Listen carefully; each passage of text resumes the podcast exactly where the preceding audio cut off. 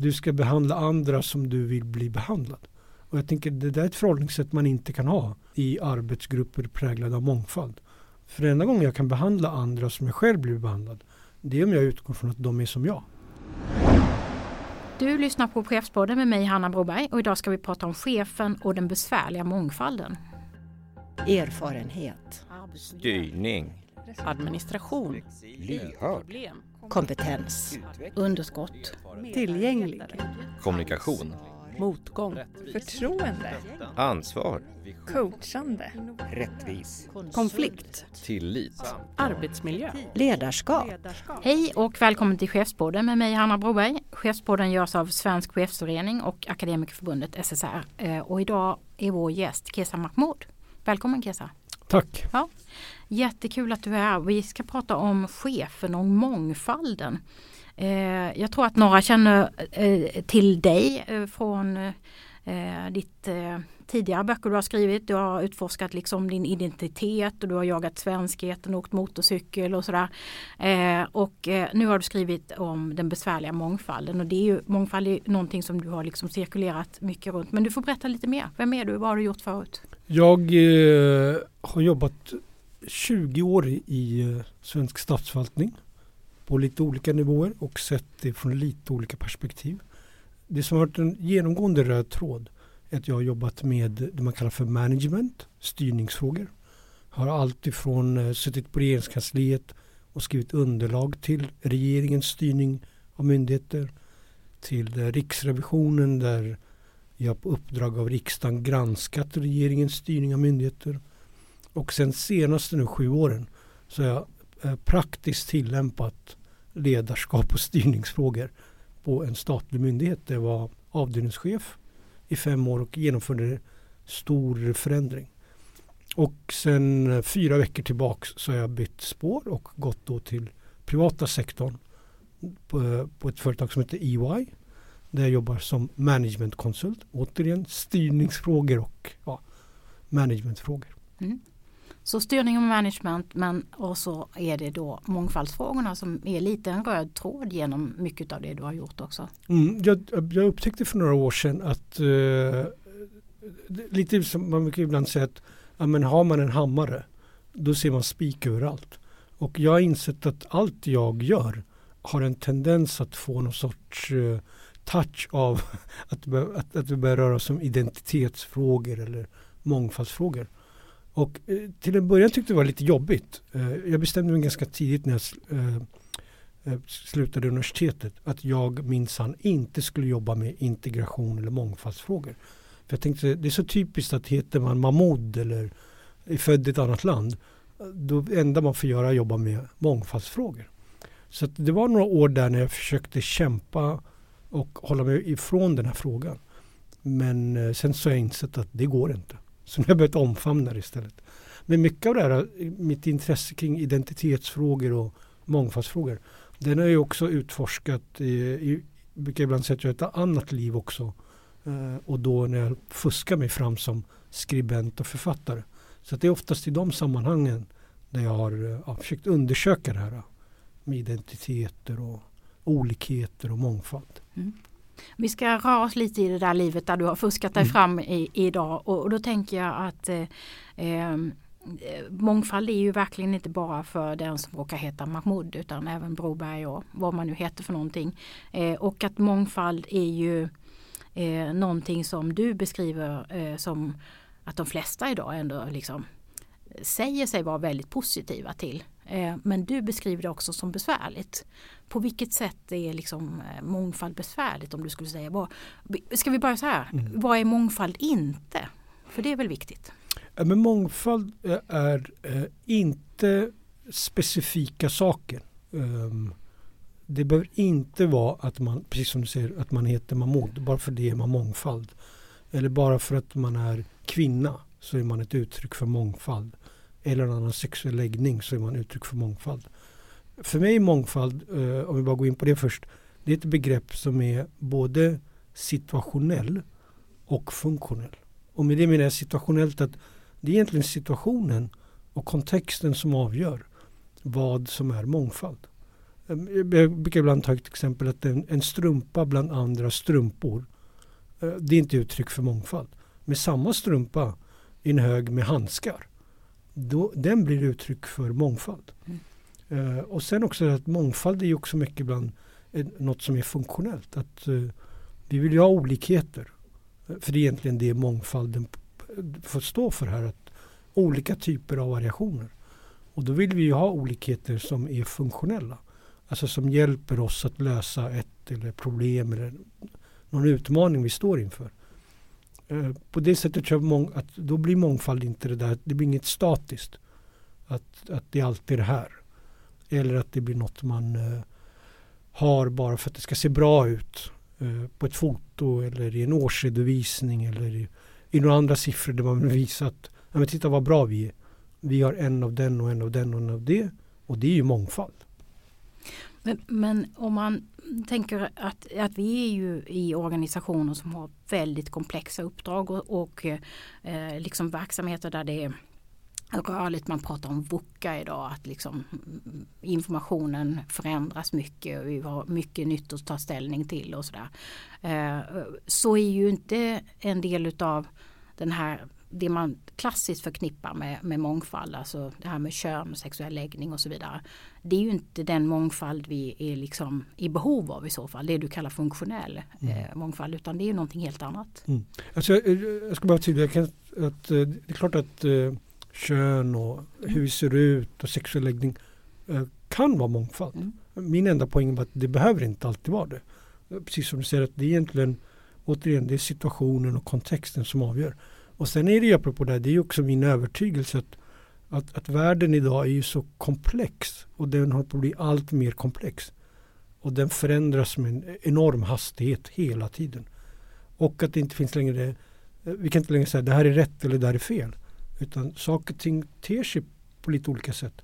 Och jag tänker det är bara att göra ett enkelt test, många av oss som har eh, vänner på Facebook med olika politiska åskådningar. Att ibland blir det nästan komiskt när, man, när det är något eh, nyhetsinslag. Så eh, hör- ser man någon skriva att det här var ju det bästa de har läst. Och så kan någon uttrycka precis raden under. Det här var ju det mest korkade man har sett. Och båda är ju rätt i sin tid. Och jag tror att för att klara av en sån värld som är på det sättet. Då behöver vi ju kunna blicka på den från många olika perspektiv.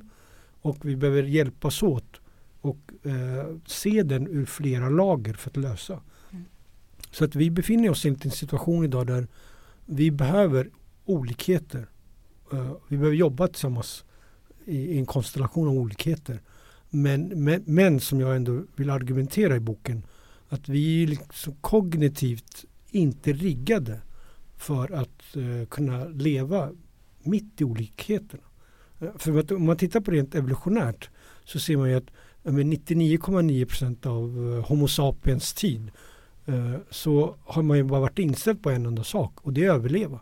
Så våra hjärnor är ju eh, maskiner som är liksom inställda hela tiden på att överleva. Och, och vi har ju lyckats överleva genom att ständigt identifiera det som sticker ut, det som avviker från det bekanta för vi tänker att det vi inte känner till det kan vara något farligt för oss. Så att vårt, vårt, vårt sätt att se världen, vårt sätt att reagera gör ju att vi är liksom riggade för att eh, föredra att människor är mer som är som oss. För det gör oss trygga, vi kan förutse dem och så vidare. Och så lever vi i en tid där vi behöver göra precis det motsatta. Och, och, och jag tror att det är det som inte riktigt går ihop. Att, att vårt intellektuella jag idag vill älska mångfalden. Eh, men i praktiken så ser vi att vi lever väldigt homogent. Vi arbetar väldigt homogent. Eh, vi bryter bröd med folk, alltså middagsbordet, med, med folk som är som oss.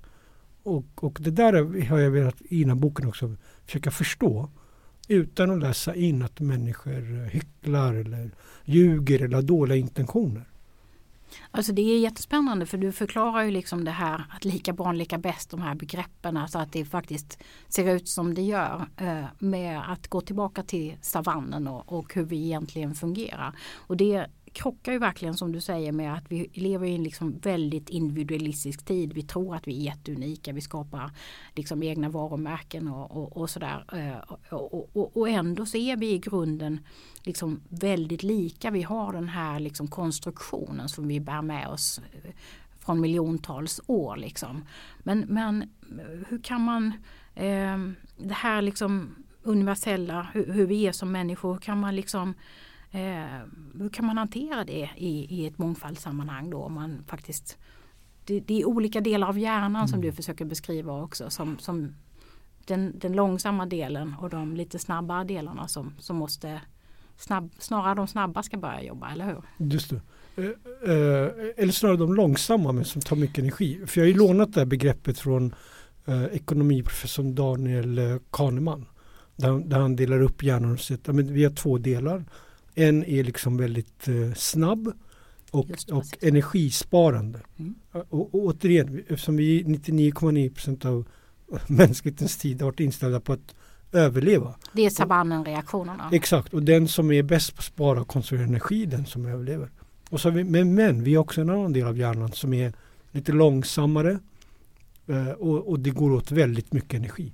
Och det är den delen vi använder Eh, när vi lär oss nya saker. Eh, och, och, det är det som också blir lite paradoxen att vi lever i en tid där, för, för den här snabba delen av hjärnan den är på kanske 95% av vår vakna tid. Så att vi lever, i, vi lever i en verklighet idag där den här långsamma som tar åt, där det går åt mycket energi, den behöver vara på stora delar av vår vakna tid om vi ska kunna klara av att hantera. Och det är det vi inte orkar riktigt göra hela vägen. Oh. Ja, nej, nej, men så jag tänker att det, det, är det som blir oftast uh, av, av, problemet då. Mm. Uh, men det som ändå, jag kan tycka ändå är det positiva det är att vi har den här, den här långsamma delen, även om den, det går åt väldigt mycket energi. Men, men där vi kan uh, koppla förbi de här, det där intuitiva sättet som vi har gjort under 99,9% av mänsklighetens tid. Utan vi kan lära oss med olika tekniker att försöka trampa upp nya spår i hjärnan. För det är det som är lite fantastiskt att hjärnan är liksom inte statisk utan den är snarare plastisk. Mm. Så, att, så det går ju att, att, träna upp och att även om inte vi är gjorda för att uh, vara omgivna av mångfalden så kan vi ändå lära oss det. Men det är bara att det kommer att kosta energi och vi kommer att behöva betala ett pris. Uh, mångfaldens pris brukar jag säga för att kunna hantera det.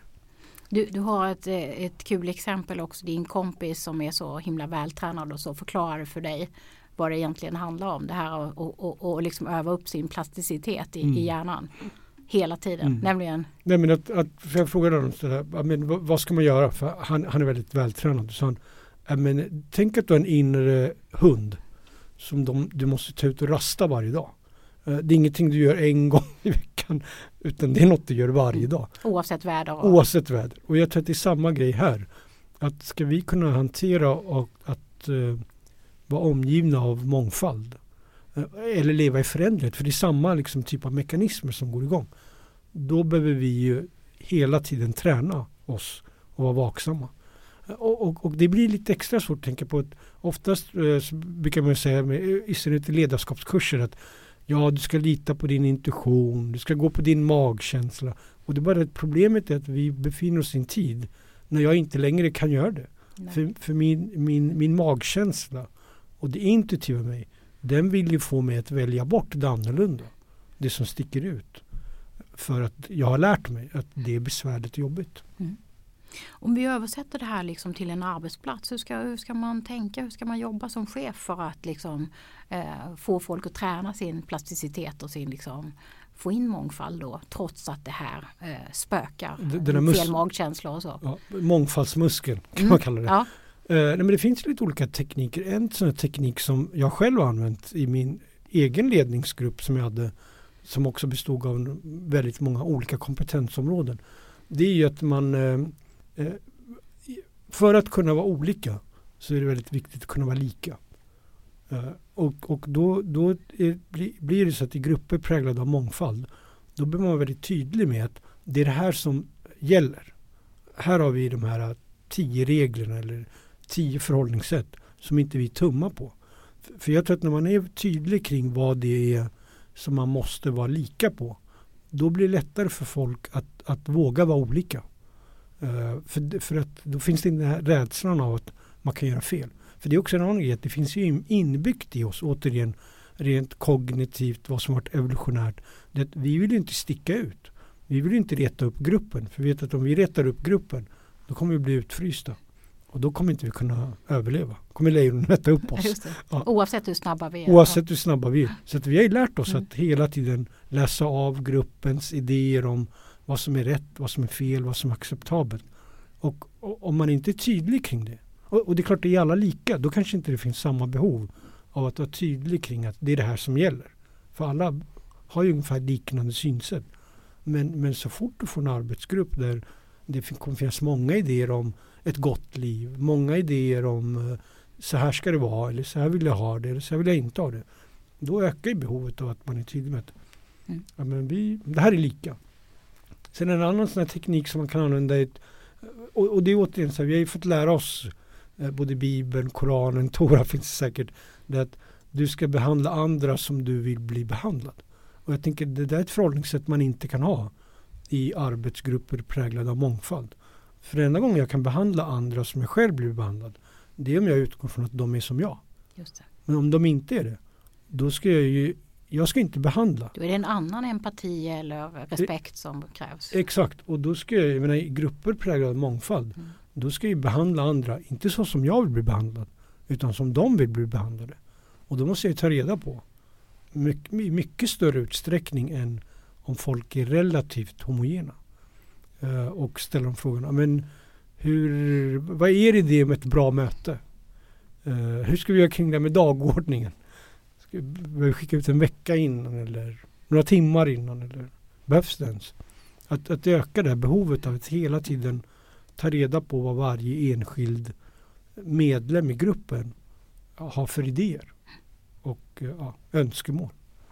Och det här är ju mm, liksom spännande för det behöver man ju verkligen göra i alla, alla grupper. Man kanske har bortsett från det när man tror att man sitter ett gäng lika där. Man är kanske inte alls särskilt lika som har suttit där även om man råkar ha liksom samma kön och Mm. samma typ av efternamn och så. Mm. Eh, Men, men man har aldrig frågat på det här sättet. Man har förutsatt att alla ska liksom vara ganska lika. Mm. Men du pratar ju om, om liksom den här besvärliga mångfalden som att den, den har ett pris. Vi vet, att, vi vet att vi inte kan vara så här homogena grupper för att då kommer vi inte kunna lösa komplexa uppgifter längre. Så Mm. vi måste bli mindre homogena och liksom bejaka mångfalden och få olika kompetenser.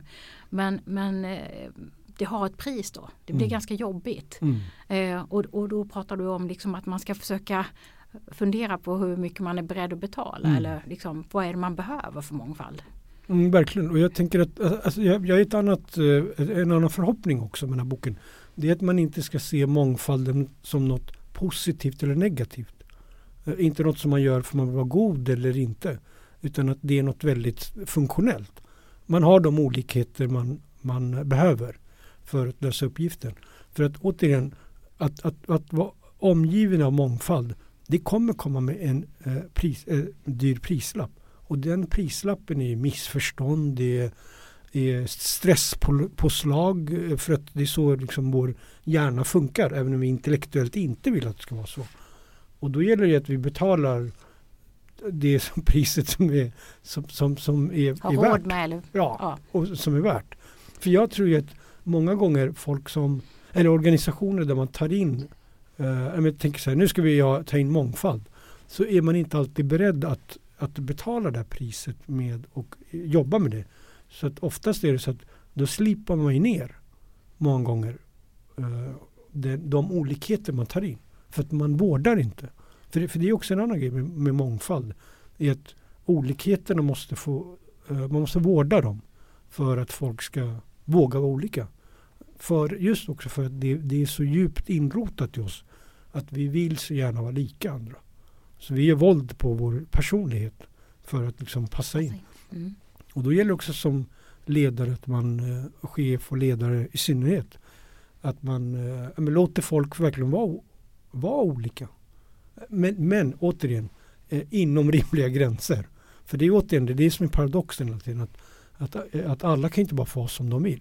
Utan då behöver man vara mer tydlig. Här är vi lika men här kan vi vara olika. Om man som, som chef då ska ta sin organisation från, från ett läge till ett annat. Du rekryterar in eh, olika kompetenser som, som du behöver. Eh, hur, hur, hur kan man hantera de här olikheterna klokt och vad krävs för att det här ska tas tillvara på ett bra sätt så du ska kunna liksom balansera priset, så kostnaden för, för olikheterna på ett rimligt sätt. Men jag tänker att eh, det är viktigt att, eh, att, att lära sig hantera konflikter.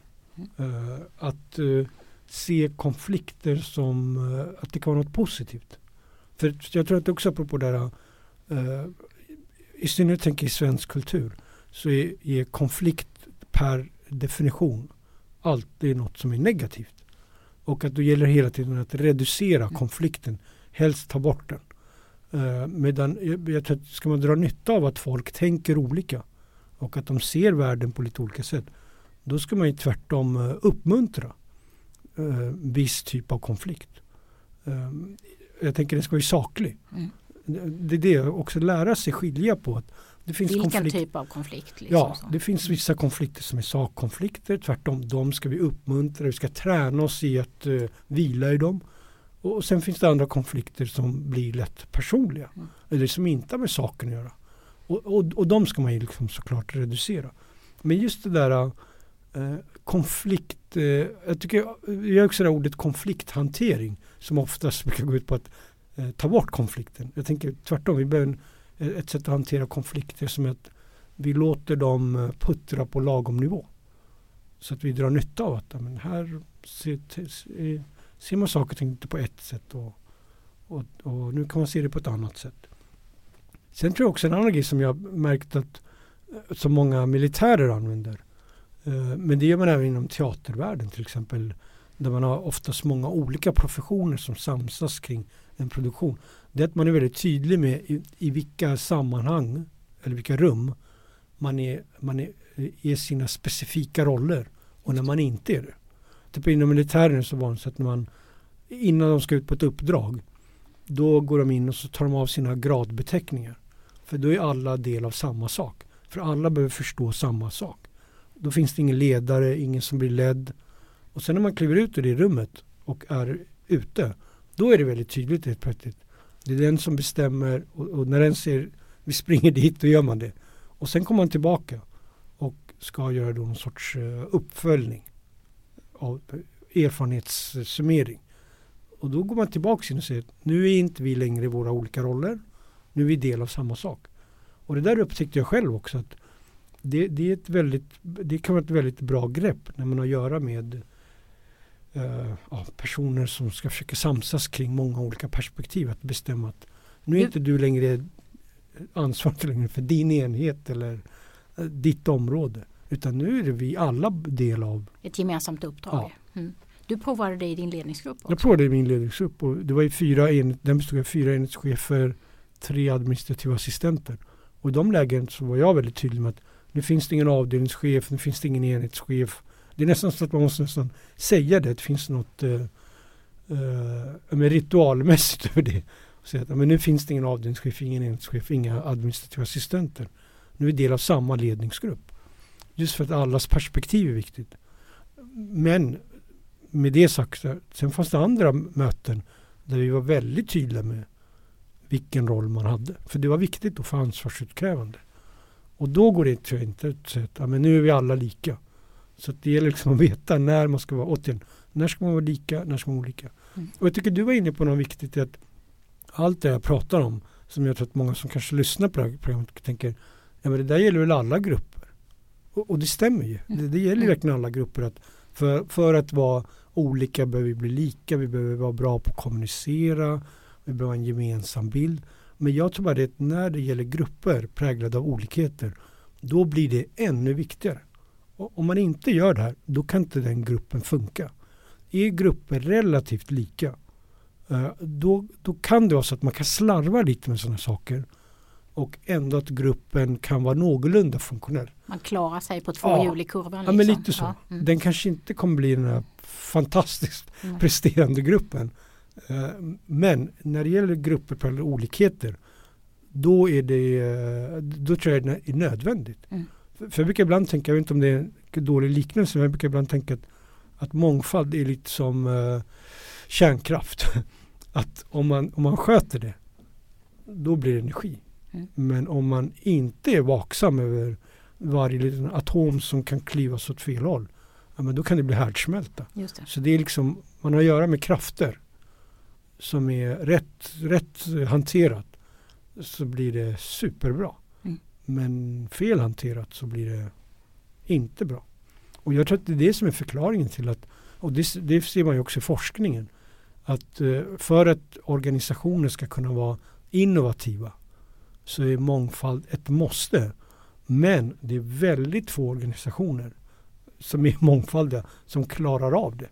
Utan de flesta går ju under. För att där är ledarskapet och de som ingår det. De är liksom inte beredda att betala mångfaldens pris. Men är det det här som är lite problemet idag? Att vi liksom underskattar just eh, det där priset och, och liksom är inte tillräckligt medvetna och strategiska om, hur- om hur vi ska jobba med mångfald.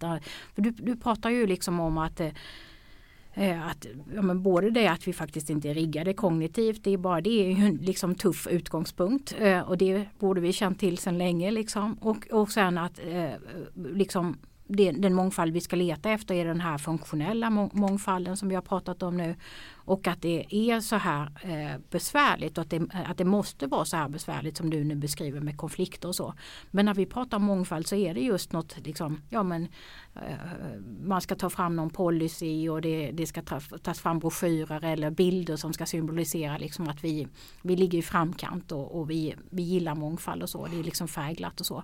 Eh, Alltså det, det, det blir för, det blir en för väldigt förenklad liksom bild av mångfald Mm. kontra den som du beskriver som vi faktiskt måste ha. Att det är den, den mångfalden kräver någonting helt annat. Mm. Nej, men, nej, men det är precis så att, att vi har ju, ha- har ju pratat om mångfald som något eh, åt det där normativt positivt.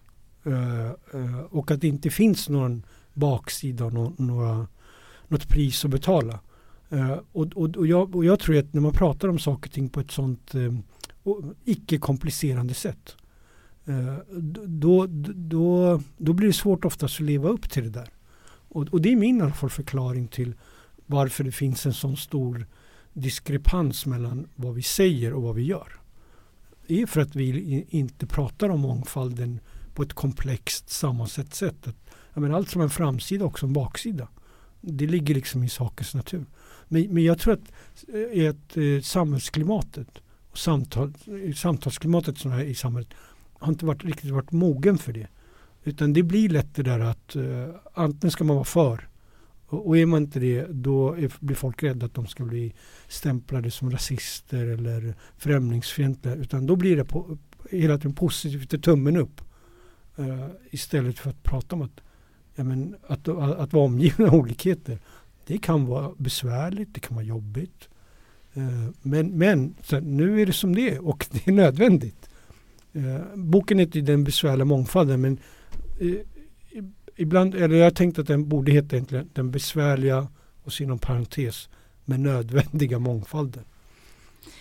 Och jag, och jag tänker också som, som jag sa förut lite grann att, att eh, det här som vi ofta också beskriver hierarkierna, att det är status i olika utbildningar, att det är, liksom, det är svårt att få en arbetsplats eh, liksom att, att fungera eh, med, med olika professioner. Vi, vi pratar väl där om, om någonting som en annan typ av mångfald, tvärprofessionella team och just för att lösa komplexa uppgifter så, så, så behöver vi eh, det. Men det är inte så lätt att liksom få ett arbetslag just att, att ta och ge, att sträcka sig ut över, försöka förstå eh, liksom, eh, jag är socionom och jag vill förstå liksom vad ekonomen säger i sin analys till mig om verksamhetsresultatet. Vad kan jag göra av det? Det blir, det blir liksom två världar som möts även i det. Så vi är vana egentligen vid de här utmaningarna men vi har inte tagit tag i det som, som ett mångfaldsproblem egentligen. Jag, jag tror att det är, lite, det är precis du på att vi inte definierat eh, socionomens möte med ekonomen eh, som eh, ett mångfaldsprojekt. Utan då, vi har sett det som något annat.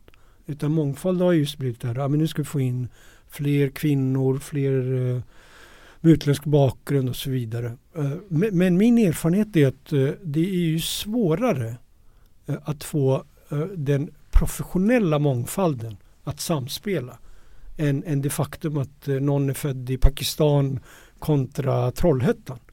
För att det är så att den typen av skillnader, de kommer man ju runt.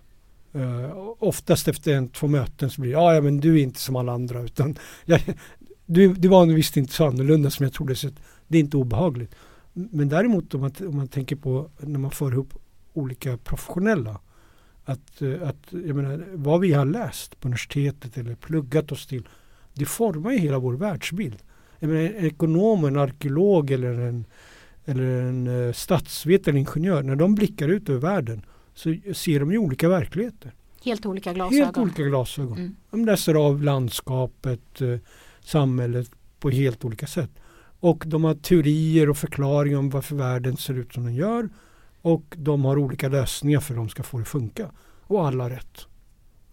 Och det är klart att när de möts så blir det mycket svårare för dem att, att, att, att hitta någon sorts gemensam konsensus. Och samtidigt har man det på det kanske en akademisk utbildning och självbild. Och att, ja, men jag har ju doktorerat i det här. Mm. Eller, Mm. Jag har ju läst åtta år på universitetet. Så kom inte och berätta för mig. Så kom inte berätta för mig. Så, så jag skulle säga att den typen av mångfald i grupper är ju mycket svårare och kräver ett högre pris för att få det att fungera än om man skulle sätta ihop ett gäng som är födda på lite olika ställen. Kanske läser samma utbildning och ser världen på ungefär liknande sätt och beskriver den på ungefär liknande sätt. Mm. Och det är därför jag tror ibland att man går vilse också när man har varit så visuell i sitt, sin definition av mångfald. Utan tänkt att ja, men då har vi löst det. Fast egentligen kanske man bara har lik, bara rekryterat fler av samma sak. Men då kanske det skulle vara kul att komma in lite grann på chefens roll i det här jätte, jättetuffa uppdraget. För du har varit inne lite grann på eh, om en olika typer av konflikter och förstå vad det är för konflikter och hur man ska hantera dem och, och också hur, betydelsen av kommunikation. Men om, om du vill ge lite liksom mer verktyg hur en chef ska tänka i den här eh, mångfaldsorganisationen som, som vi har beskrivit nu. Jag tänker att det är det där att en chef eh, i, i större utsträckning så är andra behöver funka som någon sorts åskledare. Alltså där man leder egentligen konflikterna, strömmen, allt det där genom sig och, och inte lägger ut den på arbetsgruppen. Och då behöver man ju vara tydlig kring både i sitt chefskap men också i sitt ledarskap för att få en sån här grupp att känna sig trygg eller få den att fungera. Men, men jag skulle ändå komma tillbaka till den kanske den viktigaste delen och det är det där att inte behandla eh, gruppen eller individerna eh, på, på, utifrån hur man själv vill bli behandlad. Eh, för det tycker jag ändå har varit min största lärdom av det där att leda en arbetsgrupp av chefer och administrativa assistenter som präglas av olikheter. Det är just det där att, att, att hur viktigt det blir för mig att hela tiden stämma av och se var de olika individerna befinner sig för att de sen ska kunna fungera som, som en grupp. Och sen hela tiden vara ha, ha, definiera och, och prata mycket kring vad är, vilka idéer vi bär på om vad som är normen, vad som är normalt, vad som är naturligt. För det ska man också vara, liksom, vara på det klara med att vi människor söker hela tiden ständigt en bild av, av, av det normala. Av, av det som är, så här ska det vara. Det finns liksom också lite inbyggt i oss. Även om vi säger att vi är öppna och tolererar allting och alla sätt var, så stämmer det inte. Utan vi letar hela tiden. Och, och, och det tror jag att vi behöver vara mycket mer tydligare kring när det kommer till arbetsgrupper med just olika normer. Att man eh, både pratar om var, var, det, var gränsen går eh, men också att eh, bejaka att det finns där. Du har ju rekryterat ett antal chefer och medarbetare själv och när, ni liksom har satt igång, det finns ju massa olika verktyg. Du beskriver liksom att man kan få liksom gemensamma uppgifter. Alltså det handlar mycket om att bygga relationer också mm. i den här typen av organisation. Mm. Hur, hur, då? Ja, men just det där att, uh, att, att paradoxalt nog blir att eftersom gruppen ska fungera mm. så måste individerna få ta väldigt mycket plats. Och då är det hela tiden det mötet som uh, men som man verkligen både måste vårda. Jag är till exempel en stor del av min arbetsvecka gick ju åt till att eh, gå promenader med eh, enhetscheferna. Både, både enskilt men ibland två och två eller tre och tre. Där vi pratade om allt möjligt. Det var, ständigt en dialog. En walk and talk. En walk and talk, en ständig dialog. Hela tiden för att Mm. ta reda på men var befinner de sig just nu. Vad är viktigt? Vad har hänt? För jag märkte att när de var trygga i det då blir det mycket lättare för dem att komma ihop och, och vara som grupp. Eh, för det, det finns ju apropå det eh, vi har länge levt med idén om att vi tänker att ja, du känner till den här Maslows behovstrappa. Att vikta oss sig först få mat och värme och sen till slut kommer de här eh, sociala eh, bitarna med trygghet. Och, och nu har man ju sett det i senaste hjärnforskningen men det kanske är precis tvärtom. Exakt. Eh, Det är viktigare för oss människor att känna oss trygga med andra människor. Känna att, vi, eh, att vår status, även om inte vi tycker att den är viktig, men vår nivå är inte hotad, inte ifrågasatt. Att, vi, att, vi, att det vi gör är viktigt för gruppens gemensamma överlevnad, framtid. Bli sedd och bekräftad. Bli sedd och bekräftad. Och, och, och det gör att, att, att i grupper präglade av uh, mångfald då är, då är den här, de bitarna har en, eh, är oftast uh, blir lätt en osäkerhet kring. Just för att alla går in med olika perspektiv. För någon är kanske status det här, för någon tredje är något annat. Uh, Eller hur man ska känna sig delaktig eller bli sedd. Det är helt olika saker. Så att, så att det, alla de här bitarna är liksom mer satta under press. Och då blir det ännu viktigare att hela tiden jobba med den här relationen. Att hela tiden se individen, bekräfta den, eh, kunna gå ihop som en grupp. Hela tiden ha idén om, okej men vilka är vi nu? Hur ska vi ha det? Att ställa den typen av frågor. Och samtidigt är det ju också styrkan för att du får in alla de här kompetenserna som, som du behöver för, för din uppgift. Ja, framförallt också att folk vågar vara olika. Ja. För, det, för det är deras olikheter, deras olikheter, det är det som är eh, tillgången och resursen. Och, och det jag som chef och ledare behöver göra, det är att skapa en, en, eh, ett utrymme där deras olikheter kan få samspel. Både att den kan, de, de, de får komma till uttryck eh, men också att, eh, att de kan samspela. Så att folk inte slipar ner dem för att man är rädd för att bli kritiserad eller man blir osäker på om man gör rätt eller inte. Så det handlar mycket om att skapa en form av trygghet i att eh, du behöver inte vara rädd för att sticka ut. Eh, på de här bitarna vill vi att du sticker ut. Men på de här bitarna kanske inte vi vill, men då är vi tydliga där. Jag pratade för eh, några år sedan med en, en, eh, en brittisk eh, eh, teknikguru som, som hade varit ledare länge. Som, hon, hon pratade om att liksom, man skulle kunna gå till arbetsplatsen och inte bara vara sig själv utan till och med awesome. Att det liksom var fantastiskt. Alltså att verkligen kunna släppa ut de förmågor man har. Och det, det är ju det man vill ta till, tillvara som chef och i en organisation. Och jag, för jag tänker på utan det så spelar det ingen roll eh, vad är det för typ av olikheter man har rekryterat in om inte de får möjlighet att komma till uttryck. Eh, det, det är som om man skulle sitta på någon, eh, ja, men någon fantastisk eh, PM eller PowerPoint eller vad de, Excelblad eller vad man nu gör och sen aldrig få visa upp den. Nej. Då, är det liksom, då har man tappat hela poängen med att, att, att ha mångfald. Ja, så det kan vi väl summera med att det, det, är liksom, det är jobbigt med mångfald. Den är besvärlig men som du säger nödvändig. Om du liksom vill ge ett par råd till, till chefen som ska ta sin organisation från en eh, för homogen till en, en eh, mera präglad av mångfald. Vad, vad är det man ska tänka på då? Eh, då, då, skulle jag, då ska man tänka på att, eh, eh ha att rekrytera efter principen att den man rekryterar ska vara så olik en själv eh, och de andra som finns i gruppen.